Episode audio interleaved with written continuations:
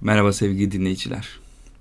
Bugün Cumhuriyetimizin 100. yılı ve biz de bu 100. yıla özel bir içerik yapalım dedik.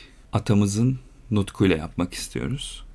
Bu vesileyle biz de Cumhuriyetimizi kuran Mustafa Kemal Atatürk'ü daha iyi anlayabilmek için Nutuk kitabını okumanızı tavsiye ediyoruz. Keyifli dinlemeler.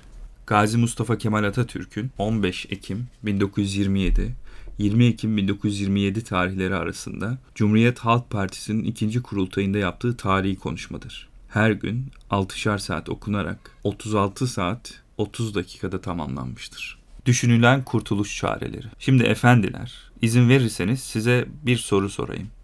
Bu durum ve koşullar karşısında kurtuluş için nasıl bir karar düşünülebilirdi? Açıkladığım bilgi ve gözlemlere göre üç türlü karar ortaya atılmıştı. Birincisi İngiltere'nin koruyuculuğunu istemek. İkincisi Amerika'nın güdümünü istemek. Bu iki türlü karara varmış olanlar Osmanlı Devleti'nin bir bütün olarak korunmasını düşünenlerdir. Osmanlı topraklarını çeşitli devletler arasında paylaşılması yerine bütün olarak bir devletin koruyuculuğu altında bulundurmayı tercih edenlerdir. Üçüncü karar bölgesel kurtuluş çarelerine yöneliktir. Örneğin bazı bölgeler kendilerinin Osmanlı Devleti'nden koparılacağı görüşüne karşı ondan ayrılmamak önlemlerine başvuruyor. Bazı bölgelerde Osmanlı Devleti'nin ortadan kaldırılacağını ve Osmanlı ülkesinin paylaşılacağını oldu bitti kabul edilerek kendi başlarını kurtarmaya çalışıyorlar. Bu üç türlü kararın gerekçesi yapmış olduğum açıklamalar arasında vardır. Benim karar.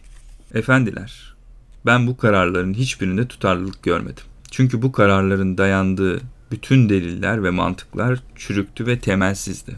Gerçekte içinde bulunduğumuz tarihte Osmanlı Devleti'nin temelleri çökmüş ve ömrü tamamlanmıştı. Osmanlı ülkesi tamamen parçalanmıştı. Ortada bir avuç Türk'ün barındırdığı bir ata yurdu kalmıştı. Son sorun bunun da paylaşımını sağlamaya çalışmaktan başka bir şey değildi.